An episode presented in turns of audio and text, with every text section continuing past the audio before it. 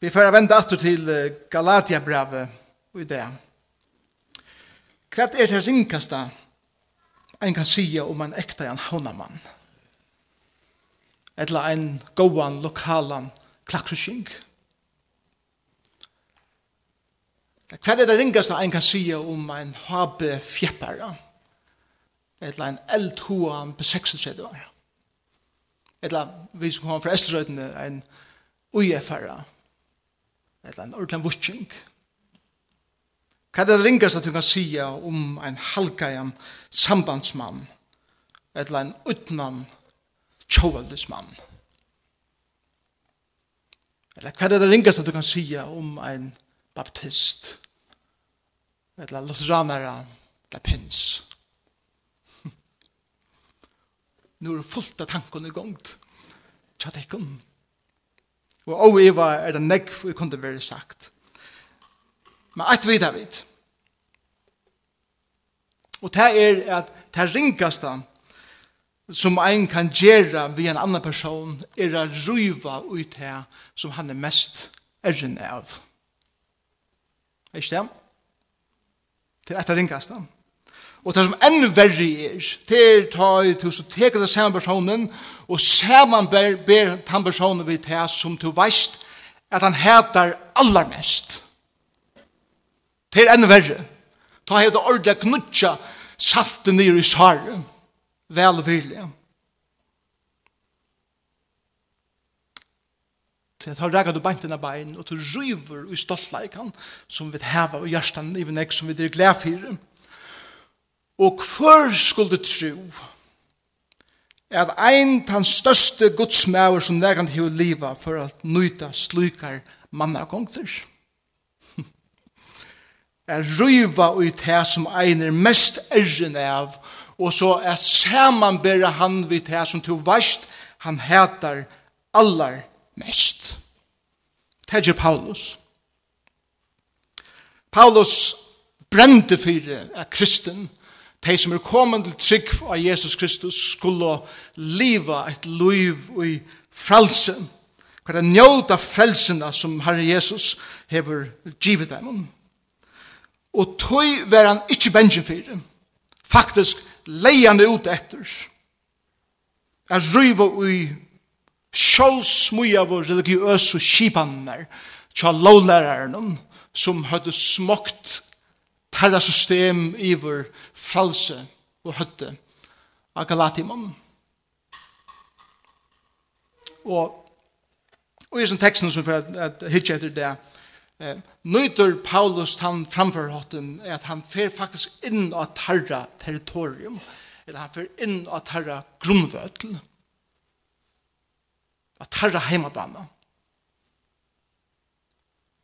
og vysa dem, og ryva i systemet, og så lest teka grunderleie undan dem og tar ekne skipan og religiøsthet. Det er det som Paulus for jeg gjør i sin teksten. Da kan slå på Galaterbrev 4 kapittel. Vi er nå kommet til uh, sørste parsten av uh, teologiske argumenten til Paulus er vi vujande uh, trygg for ena utan versk. Fyre er koma til frelse, for å være frelse, for å være rettforskjørter. Lykka fra kapittel 1, hever Paulus, eller i kapittel 1 og kapittel 2, hever Paulus varst, bæg seg sjolvan og eisen evangeliet, fyrir dem avlopen som var fra lovlæren, og i kapittel 3 og 4 hever Paulus meira av en, av en teologisk, eller god frøysling grunderlei, vust og eh, rujtjudømme som er ui til fullgjørda verskene som Jesus har gjørst av Golgata krossen. Utan nøkker menneskeversk, alt det som god har givet okken fyrir at teppa så lovlærerne. Og Paulus fyrir enda hesa argumentasjonene vi simpelt hen er at sluta høtti av dem. Det er det som han gjør i hessen teksten. Um, Hesen teksten, hese versen i Nytjøsamentet, vil jeg råkne mittelen bibellærer, mittelen til allar, allar torrføreste versene, er at utleggja i hele tiden. Det er utrolig trupel til at eh, han færa så, så undaligt på nekvar, på nekvar mater, og derfor er det legger mest til ta vi eh, lesa teksten. Så da kan slå på fjorda kapittel, vi kan lade braunen, og vi får lesa fra 21, 21. verset og til endan av kapittelen, og jeg skal lese første vers i 5. kapittelet. Paulus talar. Og, og så ikke fyrir, han tar seg nå vid lovlærerne. Sige mer tid, som vilja være under lov, eller lovene, høyra dit ikkje lovene. Skrive er jo at Abraham åtte tveir syner, ein vi trelkvinnene, og ein vi hine fralsekvinnene. Så når trelkvinnene er føtter etter holden hon, så når hine fralsekvinnene her at måter etter leften hon. Hette hever jo myndelige mersking. Toi hesar kvinner er og sottmalene bøyer. Annar er sottmalen, sottmalen av sine fjallet. Som føyer bøten til trældom. til hakar. Toi hakar er sina i fjallet og i Arabia. Og sverar til Jerusalem og nuer. Toi ta er i trældom ved bøten sin. Men Jerusalem og i omanfyrir, er, det er frukt. Og det er mor okkar. Toi skriver er, Vær glad til hinn ofruktbæra som ikkje føyer. Skjer ui og råpa til som ikkje hever verster. Toi mong er i bøtten hina, hina einslige kvinna, flere enn hennara som mann hever. Og vit, brøver, er i bøtten lyftesins, ens og usakur, Men ens og til ferna han, og i føtter var etter holden, og la etter hånden, og i føtter var etter andan, så nu vi. to, hva sier skriften? Rek ut selkvinna og sån henne. Sån ut selkvinna skal altså ikke arva sammen ved sine henne fralse kvinna. Så er vi brøver, ikke bøten selkvinna, men henne fralse kvinna. Til fralse hever Kristus gjør noen frier, Stande du faster, og let deg ikke atter letja under treldoms og. Må til Herren signa sitt år. Ja, det er en underlig tekst å lese, ikke det? Hvordan takler man en, en sånn tekst som at her? Og, og maten som er ofte ferdig etter slik om teksten er, er at uimynda mer. Og det som jeg fyrir gjerra i det er jeg fyrir at uimynda mer er at Paulus setter seg nyer og han, fer, og han er ui en samtale vi lovlærerne som er i Galatia samtidig som er suttje fire mer samkommende sitt lorsta. Så suttje det fire kom Paulus vi lovlærerne her framme og samkommende eh, sitter og hikker er tog som fer fram.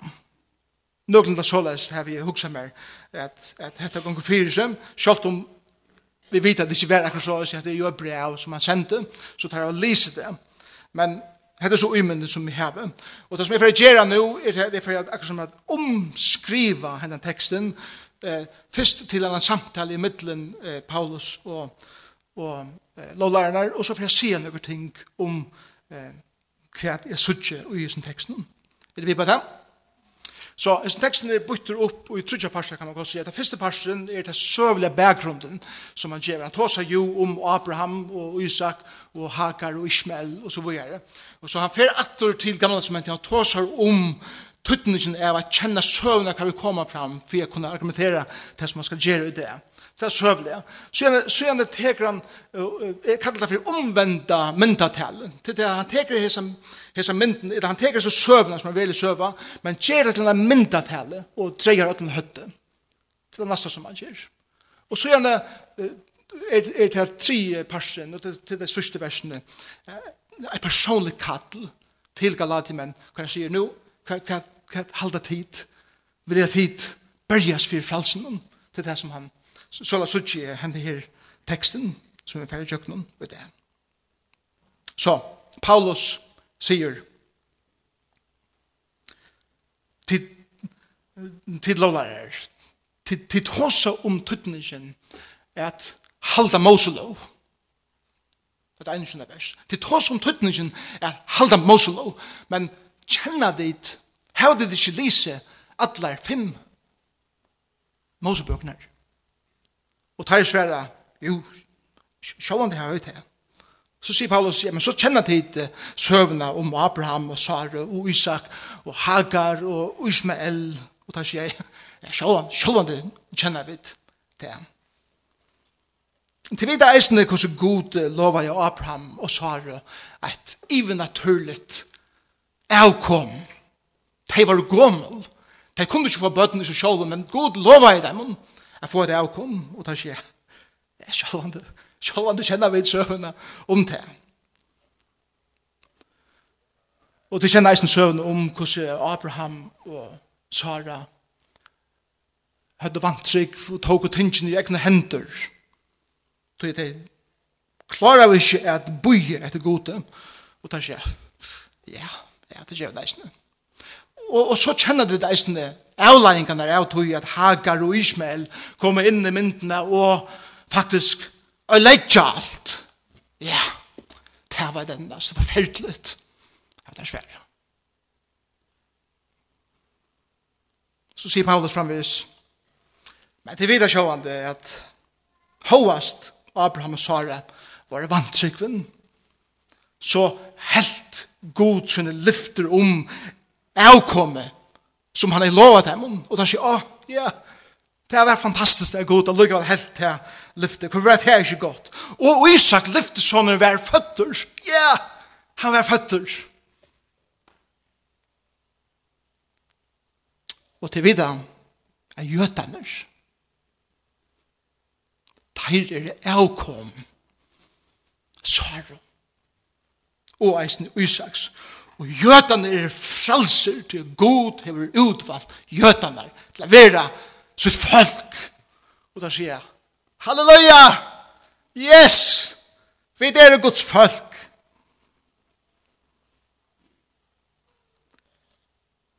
Og til videre eisene er hettene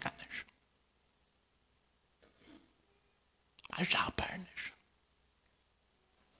Teir er å avkomme Hagar og Ishmaels. Og teirer trealer. Og tar sværa, det er sjølvande vidt av det Og sjølvande er det her Det som Paulus har gjort her til, er til at han har fengt her av.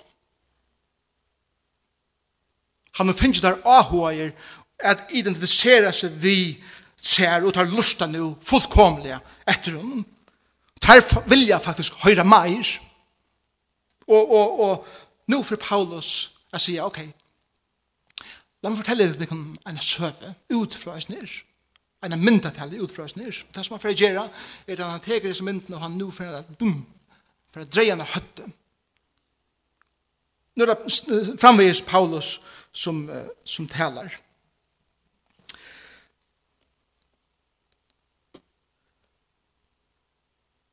kan jeg fortelle deg om at jeg mynda tale om det her som vi nå er blitt samtidig om. Vi er samtidig om det som vi har sagt og ja, Ja, det, det er vi samtidig om. La meg nå lykke ventesen her til en myndatale og ta sier, hva mener det vi? Jo, Hagar og Sara er myndir av tveimon sottmalen som god har gjørst. Eitt er den gamle sottmalen, og eitt kallar vi fyrir den nudja sottmalen. Og ta sier, hva, hva mener du vi? Jo, la meg lukka forklare hva er.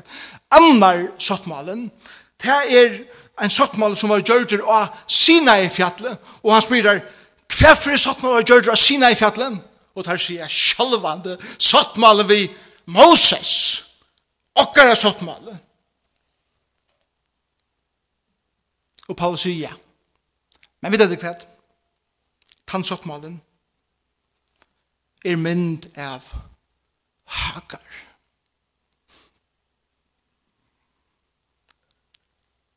Som fører til trældom. Og tær tid. Og vidt etter hvert, Sinai er i Arabia, som er utanfyrir til lova i landet som Gud lova i avkomnen er flyta inn i. Og sattmannen som, Moses, som Gud gjør ved Moses og Arabia er faktisk a lukna ved Jerusalem som nu er som tidsstyra. Og Jerusalem som tidsstyra er så underdukt av lovlærdig at alt som lever her undertykker at truste er så træler og ikke frels. Så det er Paulus gjør. Han har pura åpnet der og så smekker han han den fremme nå. Det er faktisk det som Paulus gjør i denne her teksten. Han røyver grunnleie undan dem, og han røyver inn av merk for jeg rista ut her som det er velja standa fire. Men så er Paulus gjør det som er enn verre. Og det er til at han fyrir at Jeg ser meg bare at her vi det som tar heta allermest. Vi svar. og Isak. Han sier at hin sattmalen, nudje sattmalen, er mynda Sara og Isak. Og det er lukna vi et nytt Jerusalem, et himmelst Jerusalem. Et Jerusalem her som Jesus Kristus er han som sitter og hasaden og leier sitt folk inn i fralsen. Og bøtten Sara og Eukum Isaks er å ikke jøter, altså blåjøter. Jeg kom Sara og Isaks er og jøter og hetninger som har tro på Jesus Kristus. De er lyftespøtene som er født ved en nødkjære, even naturligere føying, som gjør dem en nødt liv at livet og i frelsen. Det er det som Paulus sier i sin tekst. Han vender ødlene høtte ut, og essensen av det som Paulus sier, er dette. De som gjør krav på god grunn og naturlig føring, er avkom Hagars og Ismaels, og de halda av at være trælers.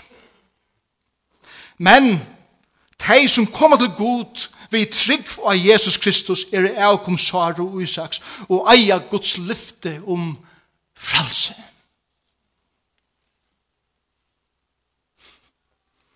Og så las hever Paulus vent ötlum av høtt. Det er det ringa som kan skje med en gjøta. Nå hukker man en gjøta som er gjøte av blåa. Enn og i det er å si vi han at du er soner hakar og smels. Det er å si vi han gjøta at du er en arabe. Og vi kjenner til struje som har vært lyga fra Isak og Ismael og i middel gjøter og araberer. Men Paulus gjør til at han venter hesten høtte. Og til en utrolig rannsakende sannleggje og i hesten her, som gjør dem også om ved det. Og til det er god utveler, god utveler ånkan etter det her blå rase. Han utveler bare folk etter det her trygg.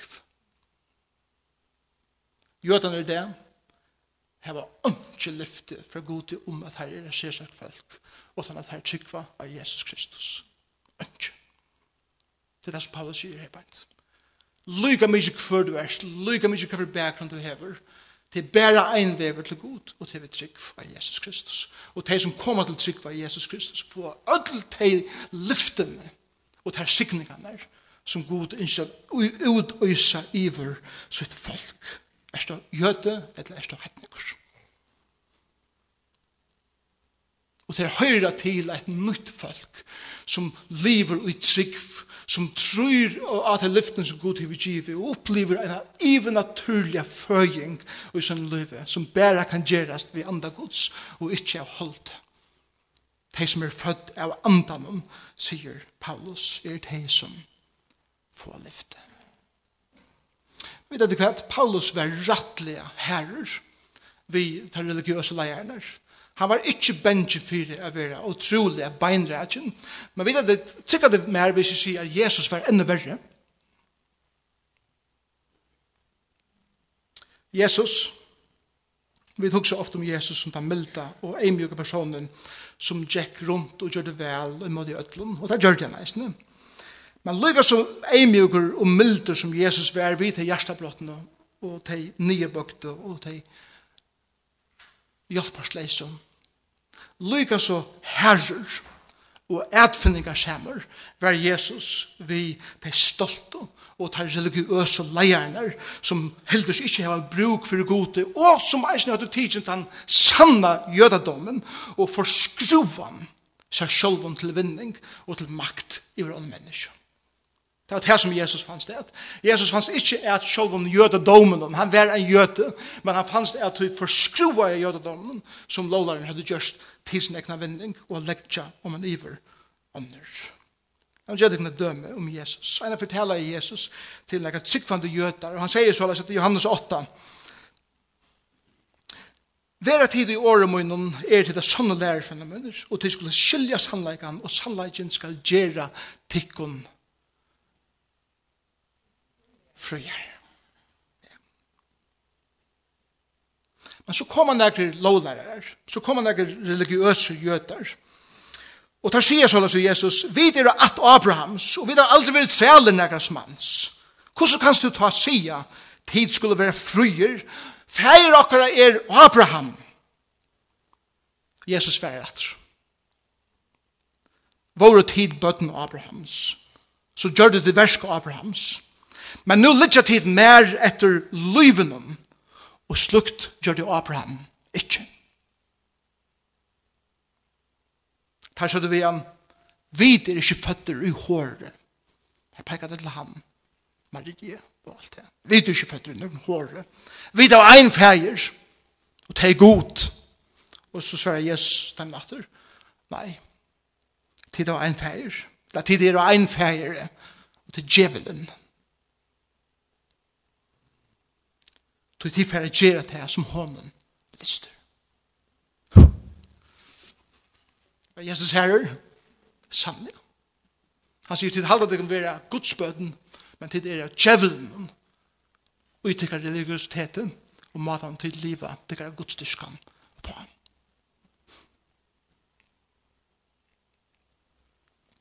Hine, føler ditt. kristendommer er iverhøver ikke bare fetter. Paulus demonstrerer det her utrolig. Og, og vi, vi har bruk for det tog i eisen i akkurat landet. Jeg vil ikke bare genga rundt som kristen og, og, og halda vi skal bare være så utrolig fitt og alt det der. Vi først har bruk for det å velja nekla, nekla fast. Paulus kommer så, nå, nå så ikke fire mer i teksten om at Paulus vender seg til hese falsen som sitter her beint. Og han sier, så gjør dit, hva vel henter her beint? Tid er fralsmenneske, tid er kommet til trygg av Jesus Kristus, tid her finner lyftene iver, til hva liv som Gud gav Abraham og Sare, og tjøkken Isak. Så sier han, vet du, det her til dikkere, La det kan liv som det feras fram vid Kristus være en gledesong. Og det er vers eh, 22. Du skriver er, nu sier ikke Paulus for meg tåsa vi sankumna, vi er glad til hun ofruktbæra som ikke føyer, skjer ui og råpa til som ikke uverser, til mange er bøtten henne enslige kvinna, flere enn henne som hever mann, og han siterer her fra Isaias 4, vers 1, som er en sanger om vånene av en som ikke heier negra vån for løven, peikar at til Sare, men som fekk Guds lyfter iver sitt liv, iver naturliga, og tog kan hon sinja sin lovsong til Herren. Og ein og for okkara som er fattur av nudgen, even naturlig av gode, er eikjennes av Hesun, at okkara lovsongur kan vera, at jeg som ønske heier, jeg som vær ofruktbærer, kan nu syndja om det som Herren har gjørst om min liv. Men så sier han hvor gjerne, tikkur og syndja gledesong hovast at det eisne verir mågångt ut ikkar løyve som tryggvande til vers 22. Men eins til ferina og i eh, han og i føtter vær etter holden og la etter hånden og i føtter vær etter andan så nu vi. Her sier Paulus at til en hending og i eh, mittlen eh, Ishmael og Isak hver Ishmael gjør det seg inna og Isak og det har ført til at, at Hagar og Ismael var sendt bort. Og så sier Paulus eisende at det er for alltid å oppleve at de som er religiøse og det som haldas vita alt og eie alt for det gjør ikke innan tekken og til er en parstren løyven men så sier han hvor gjør det men ui ötlen tøy kun til njóta arven som er tikkar til vers 30 hva sier skriften reg ut selvkvinnen og sånne henne at sånne selvkvinnen skal alls ikkje arva saman med sine henne fralso kvinna Og her skriver Paulus alltid til arven, som han så ofte har nevnt i sånne kapitlen. Arven om at trakke inn i frelse. Arven inn i trakke, at trakke inn i alle de sikninger som Gud øyser inn i vår okkara liv. Og så sier han i vers 31, men tid eierne arbeid. Og det er til at de tega frelse til dere. Vers 31, så tid brøver Tid er ikke bøten til kvinner, men henne fralse kvinne. Det er ikke det til dykkere. Og så sier han arbeiden, tog ikke til kunne hendene. Til frelse hever Kristus gjørst og kom fruer. Stande tog faster. Det er ikke arbeiden av oss nere. Og lad deg ikke at du letja under tjeldoms og. Det er det som Paulus sier. Jeg halte at Jesus og Paulus lærer okkur at okkar herra som bardeir, som vi mengan oppleva i okkar kristna løyve, er ikkje vi Guds avnoktarar, eller kritikarar og skeptisk menneskjum. Okkar største avbjøringar, okkar største bardeir er ofte vi folk som kallar seg kristen, men smuja sånne egne lover, er smudje i ånder, til det halde er god skylda til min neka, at det fyre øtlet her er gode versk. Det er alltid vært hei, som vilja smutja sina lover og meiningar nir iver høtte av ørum.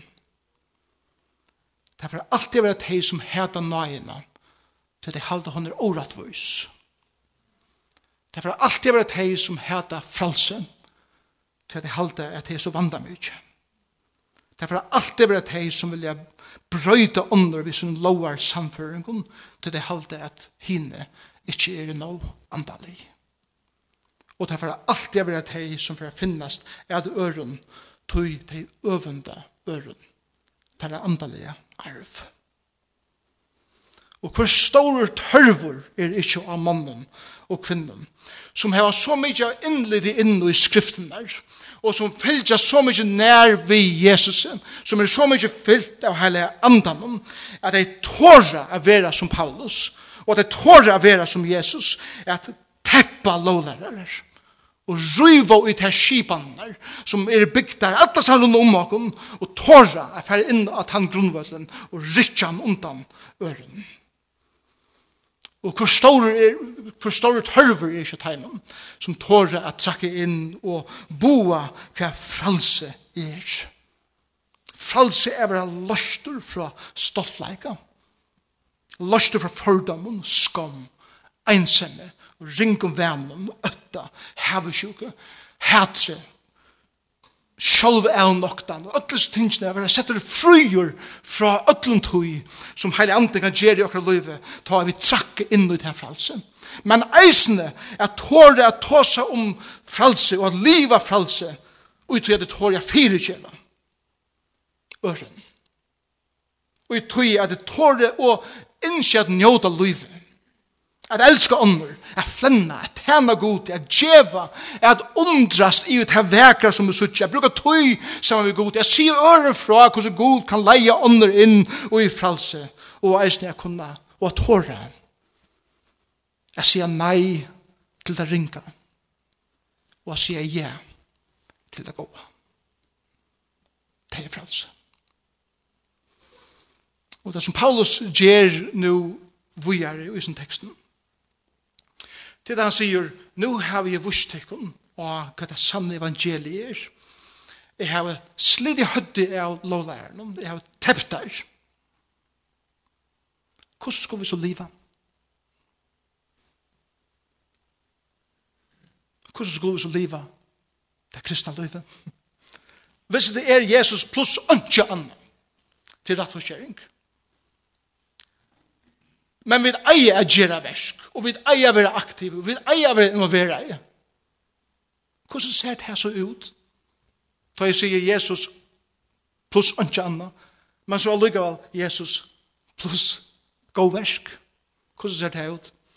Og så sier Paulus, la meg skrive et færre kapittel her sett. Femta og sjette kapittel om hvordan det her ser ut. Og derfor vil jeg bruke resten av årene på. Jeg tar sånn.